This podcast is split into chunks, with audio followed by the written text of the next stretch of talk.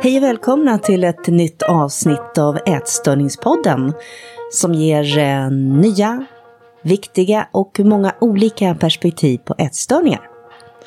Och jag heter Anna En och är journalist och författare och driver den här podden tillsammans med Leone Milton som också är journalist och författare.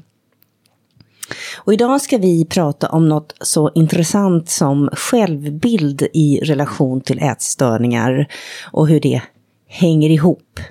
Och det ska vi göra tillsammans med psykologen och medicinedoktorn Emma Forsén Mantia vid Karolinska Institutet. Och eh, Emma är också projektledare för den internationella för den svenska delen av den internationella forskningsstudien EDGI som syftar till att undersöka hur gener och miljö påverkar risken att drabbas av en ätstörning. Och eh, hon är dessutom ordförande i Frisk och Fri. Välkommen hit Emma. Tack. Vi sätter igång direkt. Mm, absolut.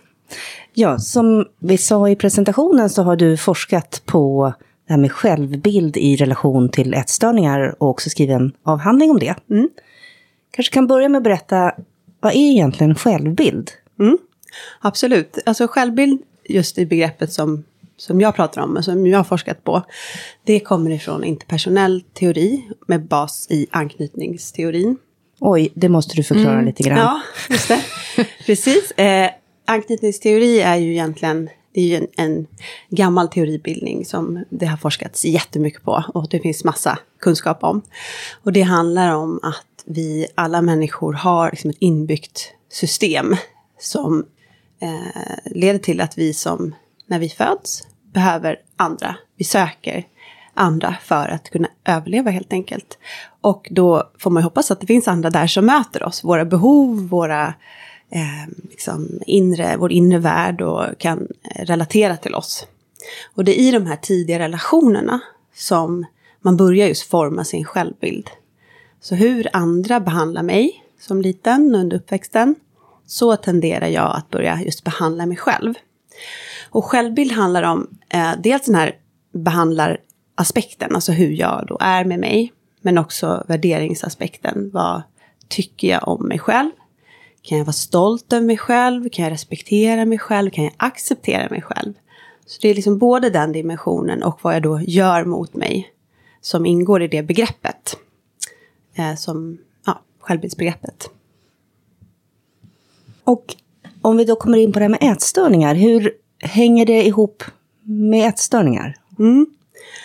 Eh, ja, men då har vi forskat en hel del på det, just eh, självbild och ätstörning och den kopplingen. Och då kan man se att personer generellt med psykisk ohälsa har en mer negativ självbild än personer som, har, som inte har en psykisk ohälsa, som är friska och, och mår bra. Men när vi tittar på ätstörningsgrupp så har de en väldigt negativ självbild. Mer negativ än till exempel personer med en depression eller missbruksproblematik. Mm. Det är jätteintressant. Mm, det tycker vi också. det är därför jag forskar på det. Men, eh, och det är också det att eh, eh, ja, det, det är liksom starka kopplingar som man ja, vi, vi vill försöka förstå helt enkelt. Och det är mycket fokus i avhandlingen att, att göra det då. Och hur mycket vet, alltså du säger försöker förstå, hur mycket mm. vet vi idag? Ja, men för självbild är ett ganska nyanserat begrepp som jag var inne på att det är både värderingskomponent och sen är det eh, hur man behandlar sig.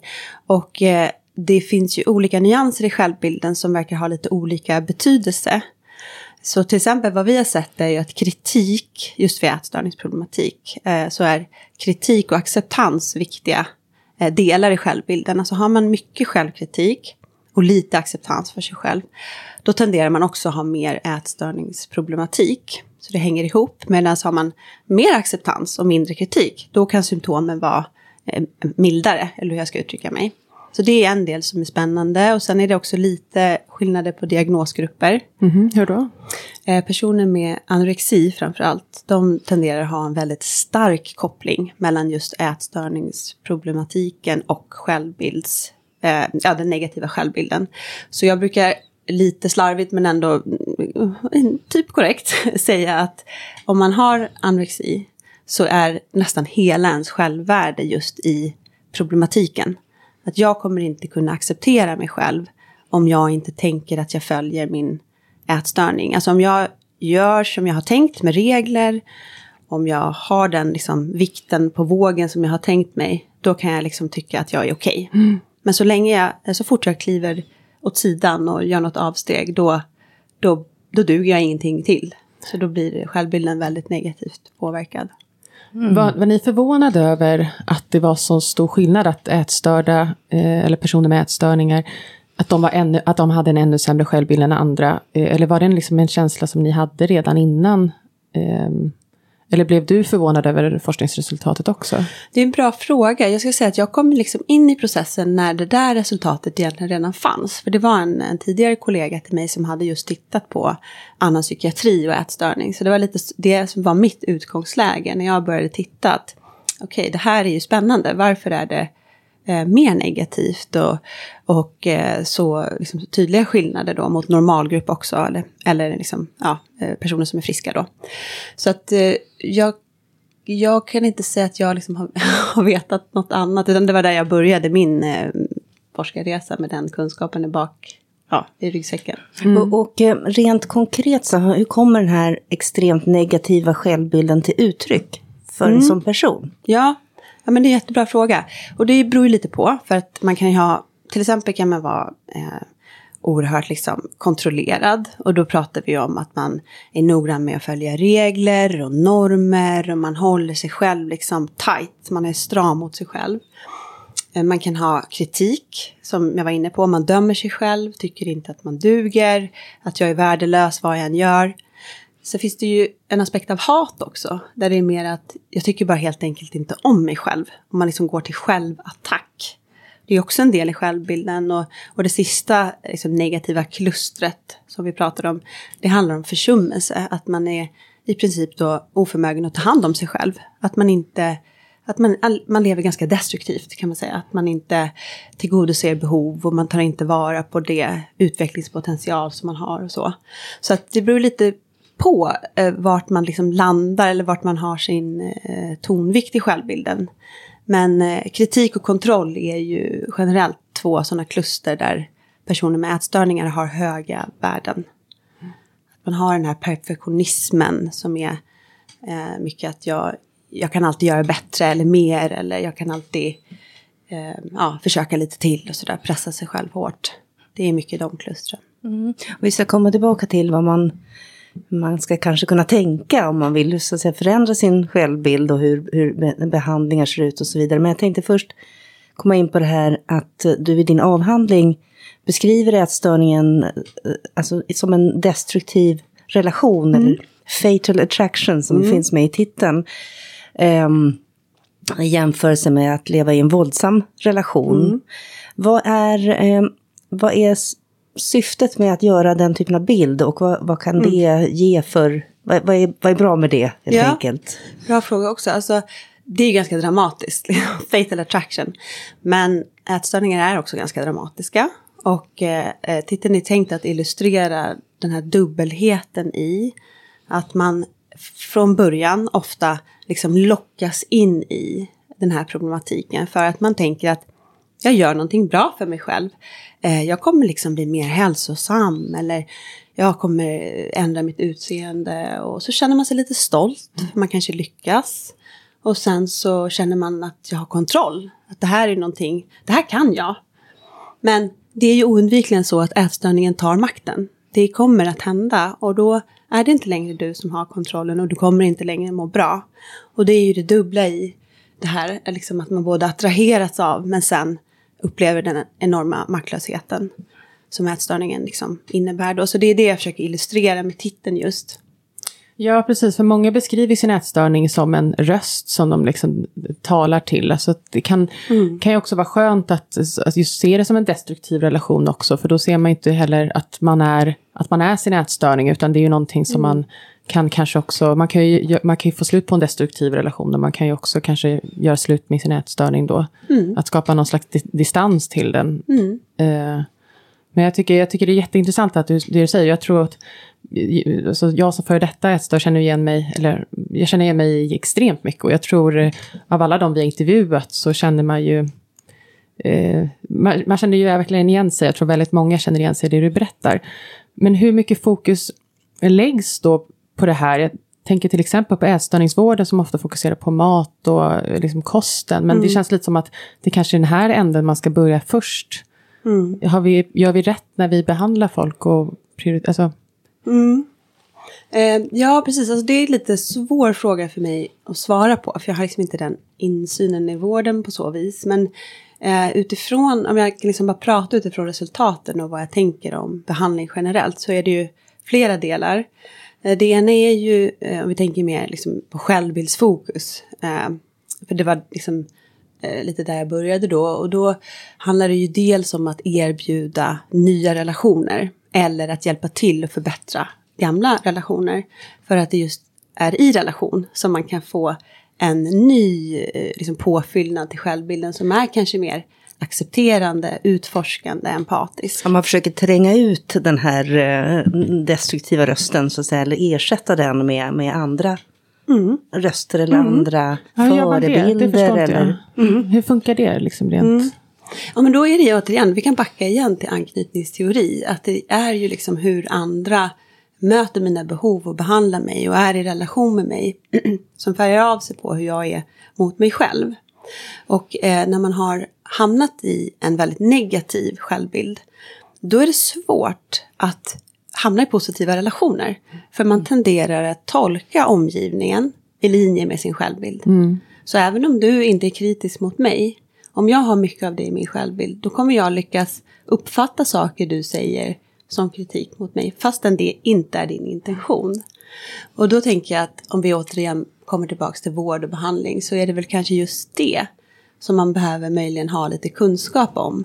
Att ens självbildsmönster och relationsmönster kommer, de har man med sig jämt och de spelar liksom väldigt stor roll för hur man eh, tar till sig en terapeutisk relation. Också hur man tar till sig behandlingen i stort. Och kanske även hur man är mot liksom andra patienter om man nu går i dagvård eller så. Så det har så mycket betydelse för allt det här runt omkring. Eh, även om liksom, maten är ganska konkret och står i centrum. Men det här är också otroligt viktigt att lära sig mer om. Eh, och eh, få hjälp att liksom, utforska och, och potentiellt förändra då på sikt.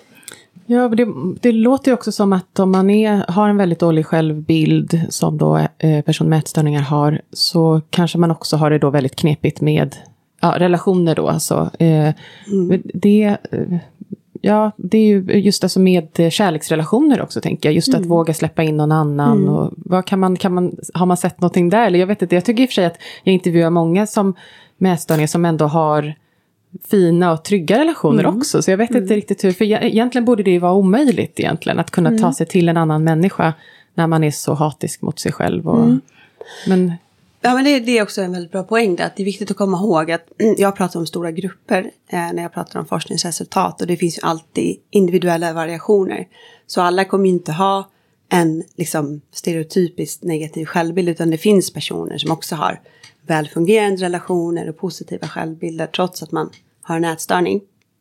Men om man tittar på liksom helgrupp och jämför så är den eh, då mer negativ och relationsmönstret är oftast mer komplext och man kanske har liksom svårigheter att skapa trygga och långvariga relationer. Men inte för alla såklart. Men där tänker jag att det är spännande att komma tillbaks till just den här liksom ätstörningsrelationen. För att det lite som vart tråden i min avhandling var just att vi försökte ju förstå det här självbildsresultatet då. Hur kommer det sig att den är så negativt påverkad? Hmm, kan det kanske vara så att det faktiskt är ätstörningen som förstärker och försvårar. Visst, man kanske har en sårbarhet innan en negativ självbild, men kanske det är ätstörningen som via liksom relationella mekanismer faktiskt eh, förstärker en negativ självbild. Och att det därför då blir så viktigt att eh, både förstå den relationen, vilken funktion den har fyllt, varför det på något sätt har varit en trygghet mitt i allt det hemska. Om det nu har varit det. Kanske inte är så för alla, men för vissa. Och det blir också en del i, eh, om man ska försöka bli frisk, då måste man ju också på något sätt förstå vad den här ätstörningen har liksom betytt för mig och haft för funktion för att sakta men säkert kunna också lämna den. Och så tror jag det behövs lite respekt för liksom, sorgeprocessen. att lämna någonting som har haft betydelse för en, hur hemsk den än också har varit. Det går ju inte bara över en natt. Det tar liksom tid och man behöver hjälp och stöd i det. Um, men precis, så att uh, för att återkomma till det teoretiska resonemanget så var det ju just att kanske är det ätstörningen som via relationella mekanismer förstärker den negativa självbilden. Uh, och att det är därför det här hänger ihop då. Och att det blir en ond spiral då. Mm. Eh, som, för det, det tycker jag att det talar ju många om och det kan väl vi båda känna igen i oss själva mm, också. Liksom att det, eh, det ena ger det andra. Mm. mm. Så. Ja men precis, och lite så jag tänker mig utifrån resultaten. Och jag tänker också att eh, ett, ett gammalt liksom, historiskt, eller en gammal historisk myt har ju varit mycket att skylla på föräldrar och kanske allra helst mammor. För att de är liksom de tidiga relationerna någonstans. Eh, och eh, i den här avhandlingen är ju liksom en viktig poäng just att ja, det kanske är så att ätstörningen med all sin kraft mm. är tillräckligt, alltså den påverkar tillräckligt mycket i sig. Eh, symbolisk relation eller vad vi än vill kalla det. Men det kanske faktiskt är så att självbilden blir så mycket mer försämrad av just problematiken. Mm. Just det. Men då hängde det väl ändå ihop där med just anknytning. Det är väl ändå någonting som kommer från när man är barn. Att, att man kanske, att på något sätt var det något som hände där. Eller jag vet, eller, för då kan man ju skylla på sina föräldrar ändå, eller? Mm. Om man haft en Om dålig... Ja. ja, nej men och det är klart att det där ser ju också olika ut för alla. Och som, och som, jag, som jag tänker är ju att man har ju förmodligen med sig en del interpersonella svårigheter, alltså problem i relationer. Eh, och en viss självbildsproblematik eh, från tidigare relationer. Och då är inte det bara vårdnadshavare, föräldrar. Det kan ju vara alla möjliga kompisrelationer eller andra nära relationer som har påverkat. Men det kanske inte är riktigt fullt ut så illa som om man skulle liksom bara tolka självbildsmönster. Utan där tror jag att själva ätstörningen har gjort sitt också. Mm. Och att den där förklaringsmodellen är alldeles för förenklad. Ja, Även om det stämmer exakt. för någon person så är det, mm. liksom det, det har ju framförts som en sanning säger jag ja. som var sjuk på 80-talet. Och, och, vet hur det, hur, det, hur det var då. Just det. Hur man talade om det och orsaker och så vidare. Mm. Så det är ju väldigt eh, otroligt skönt tänker jag att det kommer andra, att det kommer nyanseringar vad mm. gäller det. Ja precis, det är en nyansering skulle jag vilja säga. Att man kan förstå det på, på ett bredare sätt. Och. Men, men en, bara en liten fråga för att jag ska liksom förstå eh, ännu bättre. Dålig, alltså vi pratar mycket om dålig mm. självkänsla. Mm. Är dålig självkänsla och dålig självbild samma sak? Ja, viktigt. Bra att du tog upp det. För det där är ju, det finns så många begrepp och det är lätt att för, bli förvirrad. Eh, om vi, den liksom självbilds, självbildsbegreppet som jag pratar om, där kan man säga att självkänsla ingår. Eh, och det är den här värderingskomponenten som är väldigt mycket så här, tycker jag om mig själv eller tycker jag inte om mig själv? Tycker jag att jag är värdefull eller är jag inte värdefull? Respekt mot mig själv eller inte, alltså det här som är mera självkärlek och självhat. Det är väldigt likt eh, självkänsla. Men i självbild då så har vi ju det och sen också då vad gör jag mot mig själv som följd av hur jag värderar mig eh, bland annat. Så att det, man kan säga att eh, självbildsbegreppet är aningen bredare än, än självkänsla. Begreppet. Men något som jag tycker är svårt, jag, jag, känner igen mig väldigt mycket i allt det du säger och det är väldigt intressant att höra eh, det. Och något jag också tycker är lite svårt kopplat till min ätstörning är ju det här med att, och som jag tror kanske hänger ihop med självbild, det är ju det här att man inte vet vem man är. Alltså mm. just att jag vet, jag har ingen självbild i princip kan jag känna ibland. Mm. Eh, mm. Att när man har varit ätstörd så länge så vet man inte vilka röster som är sanna och man vet inte liksom. Nej. Så att ibland när jag hör någon säga någonting om mig så tänker jag så här, men gud, är det så jag uppfattas? Mm. Eller, eh, och just att få någon komplimang känns jättekonstigt. Och, och ibland kan jag tycka att jag är jättebra. Alltså så att man är liksom är väldigt, man har, någon gång man ska få uppdrag att beskriva sig själv. Eh, till exempel om man skulle på en anställningsintervju eller så. Mm. Det är liksom en omöjlig uppgift för mig. För mm. att jag har ingen aning i princip. Nej. Är, det något, är det också vanligt, eh, just att man inte vet, man vet, ja, det, självbild, det är liksom väldigt svår självbild på något ja. sätt. Ja, och någonstans låter det som att det är mera liksom narrativet om dig själv som är svårt att få fram. Alltså berättelsen om dig Eh, som du beskriver, det är svårt att förstå någon komplimang och sådär. Det, det låter ju ganska så mycket i linje med att om man inte känner igen sig i en komplimang så kommer man heller inte ta till den, den här selektiva uppfattningen som ofta styrs av att man har en annan bild av sig själv då. Men, men sen tror jag att det är just det där som är så svårt, att börja utveckla språket om eh, sig själv, eh, sin identitet, vem är jag med ätstörningen, vem är jag utan ätstörningen, var kan, vart kan jag liksom hamna om jag blir frisk? Det är väldigt stora frågor och där tror jag att det krävs ju liksom samtal verkligen mm. med, med mm. andra. Trygga andra som man känner att man kan öppna sig för. För att och att man också måste kanske bygga upp sig själv när man har blivit frisk. Att då är det liksom att utforska, vem är, vem är mm. jag? Eh, för att den personen har ju liksom inte riktigt funnits.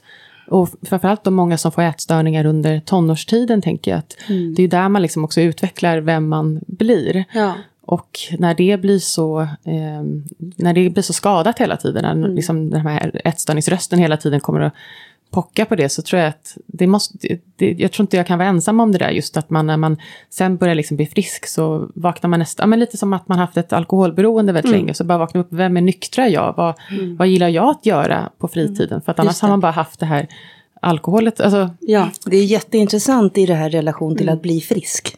Att, mm. liksom, och, och, den här känslan av att, som jag också kan känna igen mig i, att, att, in, att vara ingen.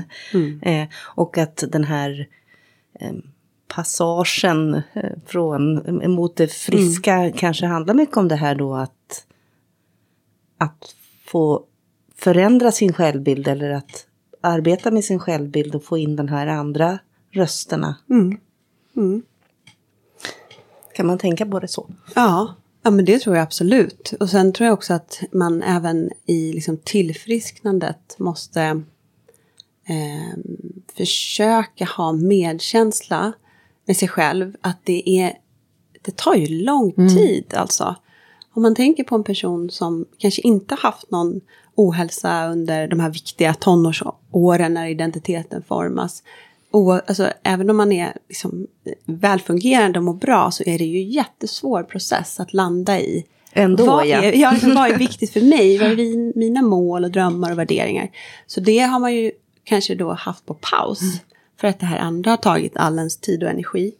Så då ska man göra den här normala utvecklingen. Men man börjar inte ens på noll. Man börjar på lite minus. Mm. Man måste först liksom stärka upp självbilden att ens klara av att utforska.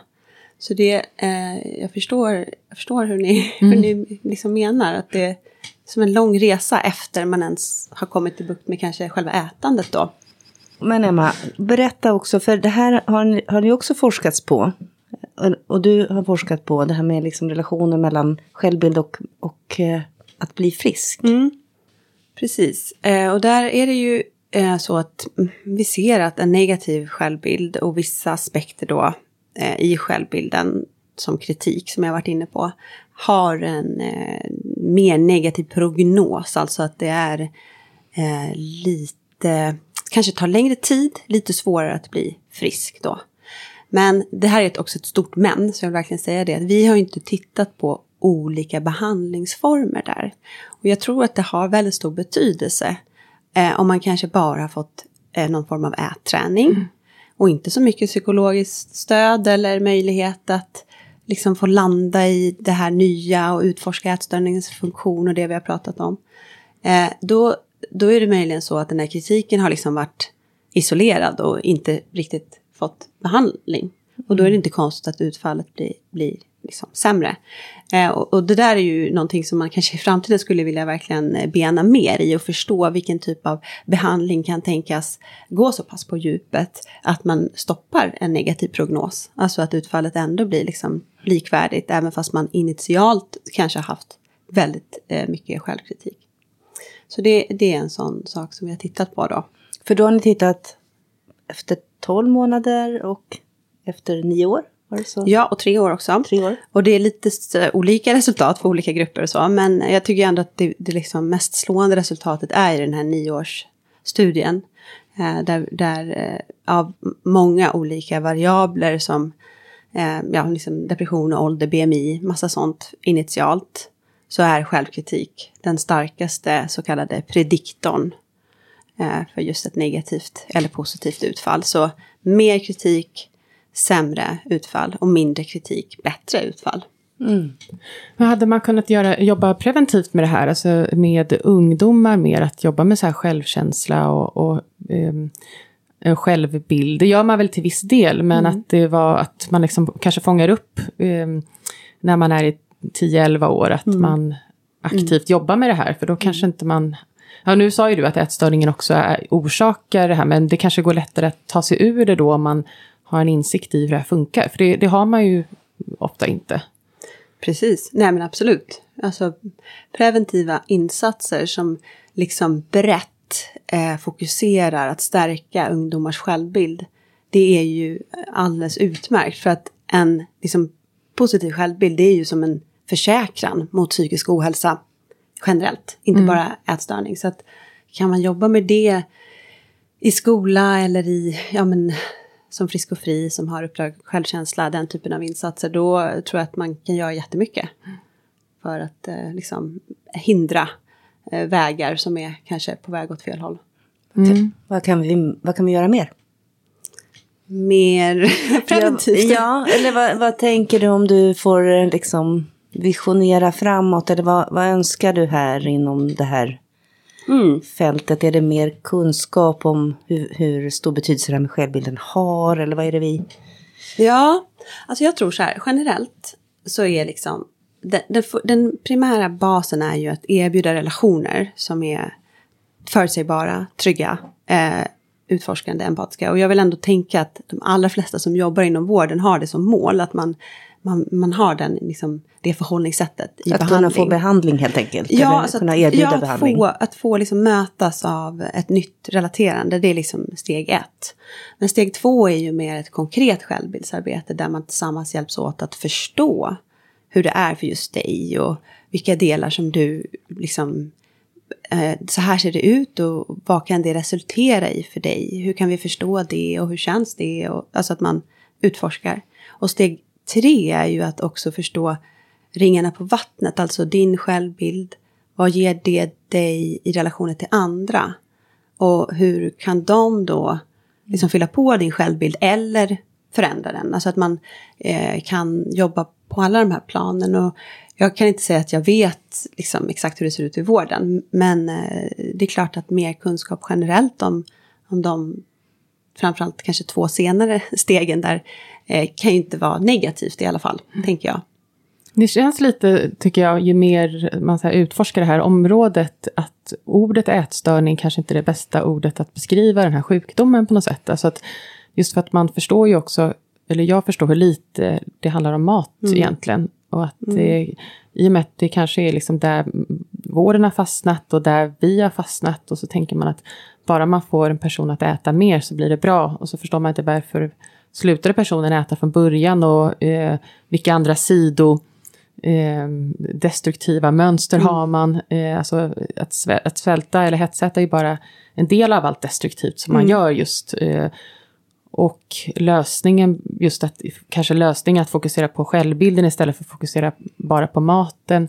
Jag vet inte, jag, jag blir lite så här, oh, mm. kanske man borde göra någonting där. Jag, jag, tror säkert att man också, eller man behöver göra både och helt enkelt. Alltså maten är ändå mm. fortfarande någonting som man behöver hjälp att komma till rätta med mm. och förstå liksom, vad är ett normalt ätande. Och man tappar ju det helt. Ja, gud, man har ju ingen uppfattning Nej. om eh, hur andra äter och vad min kropp behöver. så, så det behöver man ju absolut hjälp med och kanske så här, allra helst i de första Liksom, i det första stadiet. För Men, att sen också kunna klara av att arbeta med självbildsdelen. Exakt. Ja men precis. Alltså att man behöver ju stabiliseras på något vis är det mest vitala. Mm. För att kanske sen orka eh, introspektera, liksom lyssna inåt och förstå. Och mm. det, det, kräver ju också ganska mycket energi och eh, nyfikenhet. Och det har man ju oftast inte om man fortfarande är så otroligt upptagen av, av maten och kompensationsbeteenden mm. eller sådär. Så att eh, ja, det behövs nog både och. Mm. Men det är ju, det som Leonie säger, det är viktigt den här aspekten att, men, med alla myter som finns runt mm. ätstörningar och vad det beror mm. på och, och, och, så vidare som, mm. som florerar. Mm. Jag kan tänka mig att inom vården är man ändå tämligen kunnig. Eh, ja. På, eh, så, mm. eh, men, men däremot liksom in i samhället i stort och så alla jag menar, att ätstörningar skulle handla om utseende eller att det är bara unga flickor eller allt det här gör ju att det blir så svårt att våga, våga fråga om vård, våga säga att man mår dåligt, ja, och så vidare och så vidare. Just det. Mm. Så att, Det är väl en eh, kostnads...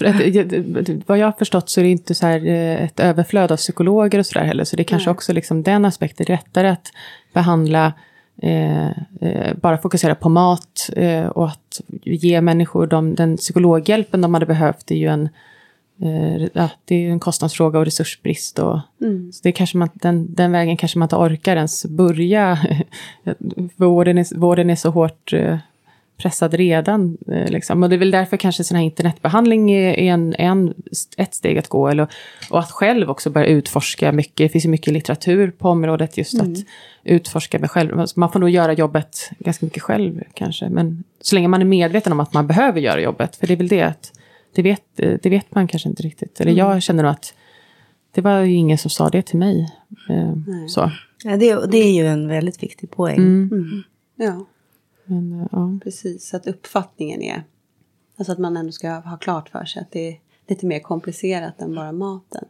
Och att det här är en jätteviktig beståndsdel. Mm. Ja, precis. Jag tror att liksom, idag har vi ändå eh, kommit långt de evidensbaserade behandlingarna som erbjuds. Och sen ser det absolut olika ut på olika ställen i landet. Och sådär. Men, men det är ju behandlingar som, som verkligen inkorporerar både mat och ätande och att förstå mer om känslor, interpersonella relationer, hur jag är mot mig själv, hur jag är mot andra. Så det, eh, jag tror att man gör ju väldigt mycket mer nu än kanske bara för ja, liksom 15-20 år sedan. Ja, det är jättebra ju. För det var ju där vi var, liksom, jag kan inte se, jag, jag vet ju inte hur det är nu, mer än det, det jag hör och intervjuar. För det, jag, är- det var ju flera år sedan jag var sjuk då, men, eh, men den här anhörighetsaspekten på det här då, alltså ehm, för som, som eh, om man har haft en ätstörning eller har en ätstörning så kanske man då måste börja jobba med sin självbild och sådana här saker. Men det är ju kanske någonting som ens anhöriga inte känner till och Nej. ska de, behöver de också utbildas för att just kunna spegla den, den sjuka på något sätt? Ja, helst. Mm. Sen är det återigen det här med resurser och det är skillnad på under 18 och över 18. Men ja, om man kan hjälpas åt att förändra hur man liksom är med de allra närmaste. Och, och liksom få förståelse för att vi behöver kanske prata mer om svåra saker. Om det är nu det som har, att det har varit väldigt eh, tillknäppt eller eh, svårt att komma nära jobbiga ämnen. Eh, Då kan man alltså det, det finns ju liksom en anledning till att familjebaserade terapier är, är de som funkar bäst på, på mm, ja, framförallt barn och unga då under 18. Så att ja, de skulle nog behöva vara med. mycket. Och jag tror att de flesta vill det också. Eh, Om man får. Att man försöker hjälpa sin närstående liksom. Ja, för de måste ju också lära känna sitt barn på nytt, eller sin ungdom, eller vad det nu är, vuxna Eller också. partner. Sin Mm. partner. Eller partner. Ja, exakt. Verkligen. För det är ju också, eh, det är också ett nytt sätt att lära känna den här människan utan sin ätstörning. Är ju, eh, Och då tycker jag det är så viktigt att tänka på att istället för att tänka så här, vad har vi gjort fel? Vad har vi gjort som inte har funkat? Så försöka tänka på, vad behöver vi nu? Som familj eller som relation. Vad är det vi ska göra på ett annat sätt för att du ska må bra? Så att man liksom försöker vända det där anklagande. För jag tror att man även som partner, eller förälder eller vän för all del eh, lätt hamnar där. Att så här, eh, fastna i. Och då har ju man fastnat i sin egen självkritik nästan. Som närstående. Just det. Så det tror jag är bra Det är en väldigt på. viktig poäng. Försöka vara snäll mot sig själv då. Också som närstående. Ja, ja, för de har ju säkert fått utstå, jag försöker tänka liksom på mina egna föräldrar, har fått utstå ganska mycket kritik från mig när, när jag var ätstörd. Alltså man inte, jag, jag var inte världens snällaste eh, dotter kanske, så att det det här har man kanske påverkat deras eh, självbild. Man har väl kanske skadat deras självbild också. Eh, så de kanske också behöver bygga upp sig själva på något sätt. Det är på något teamarbete där på något sätt. Jag vet inte. Hjälpas åt. Mm. Men, men ni gör ju jättemycket spännande forskning på KI. Eh, Den här då studien Edgy, Edgy. Mm. Och där söker ni, eller vad, vad händer där med den? nu? Vad är edgy först och främst? Ja, det kan jag berätta om. Eh, det står för The Eating Disorders Genetics Initiative. Det är en global studie där flera länder då är, eh, samarbetar. Och Sverige är en sajt i världen. Och hela studien går ut på att ta reda på mer om just orsaksfaktorer. Så varför drabbas vissa och inte andra? Och vi vill både undersöka genetiska orsaksfaktorer och miljömässiga, alltså sånt som vi liksom har pratat om rätt länge nu. Eh, och det vill vi göra med ett mål att eh, ha 100 000 deltagare över världen, 100 000 med erfarenhet av ätstörning. En annan sak som är unikt med Edgy är att vi vill ha all typ av ätstörningserfarenhet. Så tidigare har forskningen varit ganska så fokuserad på anorexi. Men nu, och, och, till viss del också hetsätning som symptom. Men nu vill vi ha in eh, ja, o, liksom olika typer av eh, bakgrund. Och sen så söker vi också kontrollpersoner, alltså personer som inte har haft en ätstörning. För vi behöver ju jämföra för att just kunna se eh, vart det skiljer sig. Så ni söker människor till den här studien nu? Alltså man kan gå med? Ja, ja. absolut. Då går man in på eh, www.ki.se eller vad, vad går man in ja, Ja, det, där finns det nog säkert också information, men vi har en egen hemsida, Aha, så mm. www.edgy.se. Och Edgy stavas E-D-G-I. Mm. Och där kan man läsa mer och man kan titta på film och läsa om ja, liksom, tidigare forskning och så. Och sen så kan man anmäla sig rakt på sidan bara om man skulle vara intresserad av att bidra i studien. Det är jättehäftigt. Men ni gör ju, ja precis, det, det händer ju mycket med forskningen och det är jätteintressant. Alltså ni får fram in, eh, roliga eller intressanta resultat. Har du någon sån här, uh, ja nu är du ju inne i den här spännande studien, men om du får drömma fritt sådär, vad skulle, vad skulle nästa projekt vara? Eller vad skulle du vilja förkovra dig i härnäst? Liksom, så? Mm.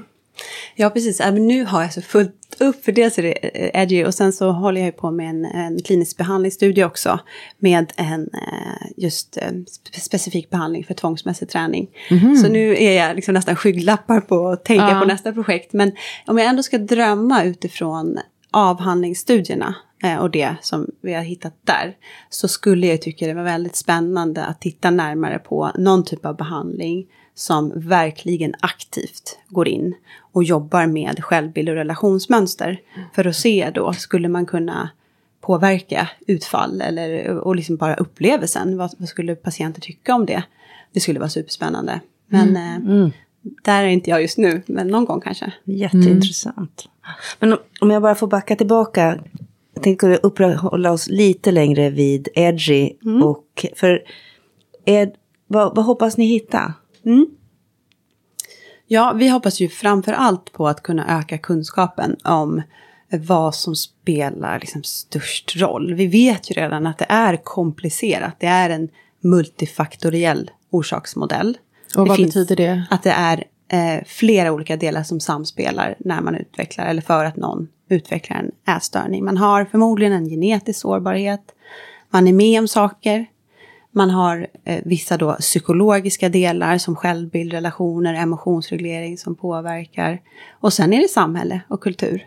Och vi omges av ideal och påtryckningar och hur vi ska äta och träna och allting. Och allt det här är liksom som en kompott med eh, ja, eh, saker som påverkar varandra för att någon ska utveckla en ätstörning. Och vi vill ju, i Edgy vill vi ju försöka att isolera det här ännu mer och se Eh, liksom låta massa olika faktorer tävla med varandra för att se vart de starkaste sambanden är. Och vad gäller genetiken så är det ju så pass ny forskning att där är det ju, det är ju liksom banbrytande om man lyckas isolera fler regioner i genomet som kan tänkas ha en direkt koppling till en viss problematik då. För här bygger ju den här studien på en tidigare studie. Mm. Precis. An Angie, mm. som då var, hade enbart anorexi ja. som fokus. Mm. Och för där hittades det ju genetiska ja. komponenter. Kan vi gå in på det på något enkelt vis? Eller? Ja, precis. Och det är så liksom preliminära resultat. Men, mm. men man kan också läsa mer på angie.se ja, om man vill. Mm. Men, men eh, det, det, som i alla fall var tydligt var att det, eh, i den studien var någonstans, men det var åtta regioner som, som var tydligt kopplade Eh, till problematiken. Och forskarna drog liksom slutsatsen, och, och, många av de här hade mycket med metabolism att göra, ämnesomsättning och förbränning och den typen av eh, mekanismer. Så då drog man faktiskt slutsatsen att anorexi är bättre beskrivet som en metabol psykiatrisk sjukdom snarare än bara psykiatrisk sjukdom. Men så hittade man också så spännande genetiska korrelationer med till exempel eh, fysisk aktivitet. Eh, och då börjar man ju fundera, för att eh, bilden har ju så himla länge varit att nej men personer med anorexi, de tränar och rör sig så mycket. Det är ju för att de försöker pressa ner sin vikt. Men när det fanns den här genetiska korrelationen så kan man ju börja fundera över om det kanske är så att man har en genetisk predisposition att vara mer aktiv och Ja, mer i det, rörelse. eller att man gillar det. ja, eller kroppen kanske behöver har något det. behov av det Ja. på något vis. Och det, allt det där är ju följdfrågor som man inte vet mer om. Men det väcker ju mycket frågor. Just eh, de genetiska mönstren och, och resultaten som gör att man vill eh, förstå mer och utforska vidare. Och det är ju samma i Edgy. Vi hoppas ju på, eh, dels nu så är det ju fler diagnoser. Och sen kommer det vara otroligt mycket fler deltagare. Precis. Och när man har mycket folk, då tror man, då får man ju tydligare mönster i sådana här stora genetiska studier. Så då tror vi att det kommer vara betydligt fler regioner än åtta, eh, för det första. Så det blir spännande på sikt att ta del av. Verkligen. Och när ungefär, vet ni när resultat kan presenteras från den här studien? Mm, ja, jag kan gissa lite. Men eh, vi har precis snart avslutat vårt första år. Och vi har fem år på oss att samla in vår svenska del av data. Eh, data liksom. Och sen så när, när liksom man världen över har samlat in all data så tar det ju ett par år att processa och sekvensera och förstå sig på data. Så att jag skulle väl tippa på att det tidigast om sådär en 6-7 år finns något resultat från huvudstudien. Men under studiens gång så gör man sådana här äh, frysningar kallas det för. Där man liksom plockar ut en mindre mängd data och börjar titta på vissa frågeställningar. Så det, kan, det kommer ju absolut komma indikationer tidigare än om 6-7 år. Men då är det inte på hela, på hela stickprovet, alltså alla människor, utan en del av det. Mm, Ja, men jätteintressant. Vi vill verkligen uppmuntra alla att gå in här på www.edgy.se och anmäla er till den här studien. För man kan också vara kontrollgrupp, eller hur? Absolut, Om man ja. inte själv har erfarenhet. Jättebra. Ja, jätteintressant. Det ska bli väldigt eh, intressant just de olika diagnoserna tycker jag. Och se liksom hur, hur lika och olika eh, personer är. Men också just det här att i och med att många byter också Ja. diagnos. Mm. Så man eh, börjar med anorexi så går man över till bulimi eller vad det är. Så tänk, undrar man ju liksom varför, varför byter jag? vissa aldrig, håller sig bara till selektiv. Medan vissa går över ganska fort till. Så det, det bytet är ju också intressant. Så. Och det är en följdfråga också i studierna, det är jätteviktigt. Så vi samlar ju in både data liksom på livslång erfarenhet och nuvarande. Så det kan ju mycket väl vara så att man har haft flera olika eh, liksom, diagnoser i historiskt så. Så det är ju precis något sånt som man vill undersöka på sikt också. Och det fick man ju, jag har nämligen äh, gjort den här, den här studien och, och det var ju en ganska rejäl enkät så, att fylla i. Så Ja. där vill jag minnas att, att man fick berätta om detta, Ja, sin historik precis. och så. Ja. Super, superbra. Ja, jättekul. Men stort tack eh, för att du ville komma hit, Emma, och berätta om din forskning och, och just lära oss mer om självbild. Jag känner själv att jag måste ta tag i det där lite. det har jag försummat lite, men eh, jag tycker att det är ett jätteviktigt område. Så uppmuntrar också de som lyssnar att eh, börja jobba med det. Och vi ser fram emot kommande forskning av Ja. allehanda slag. Ja, kul. Ja, tack för att jag fick komma. Tack!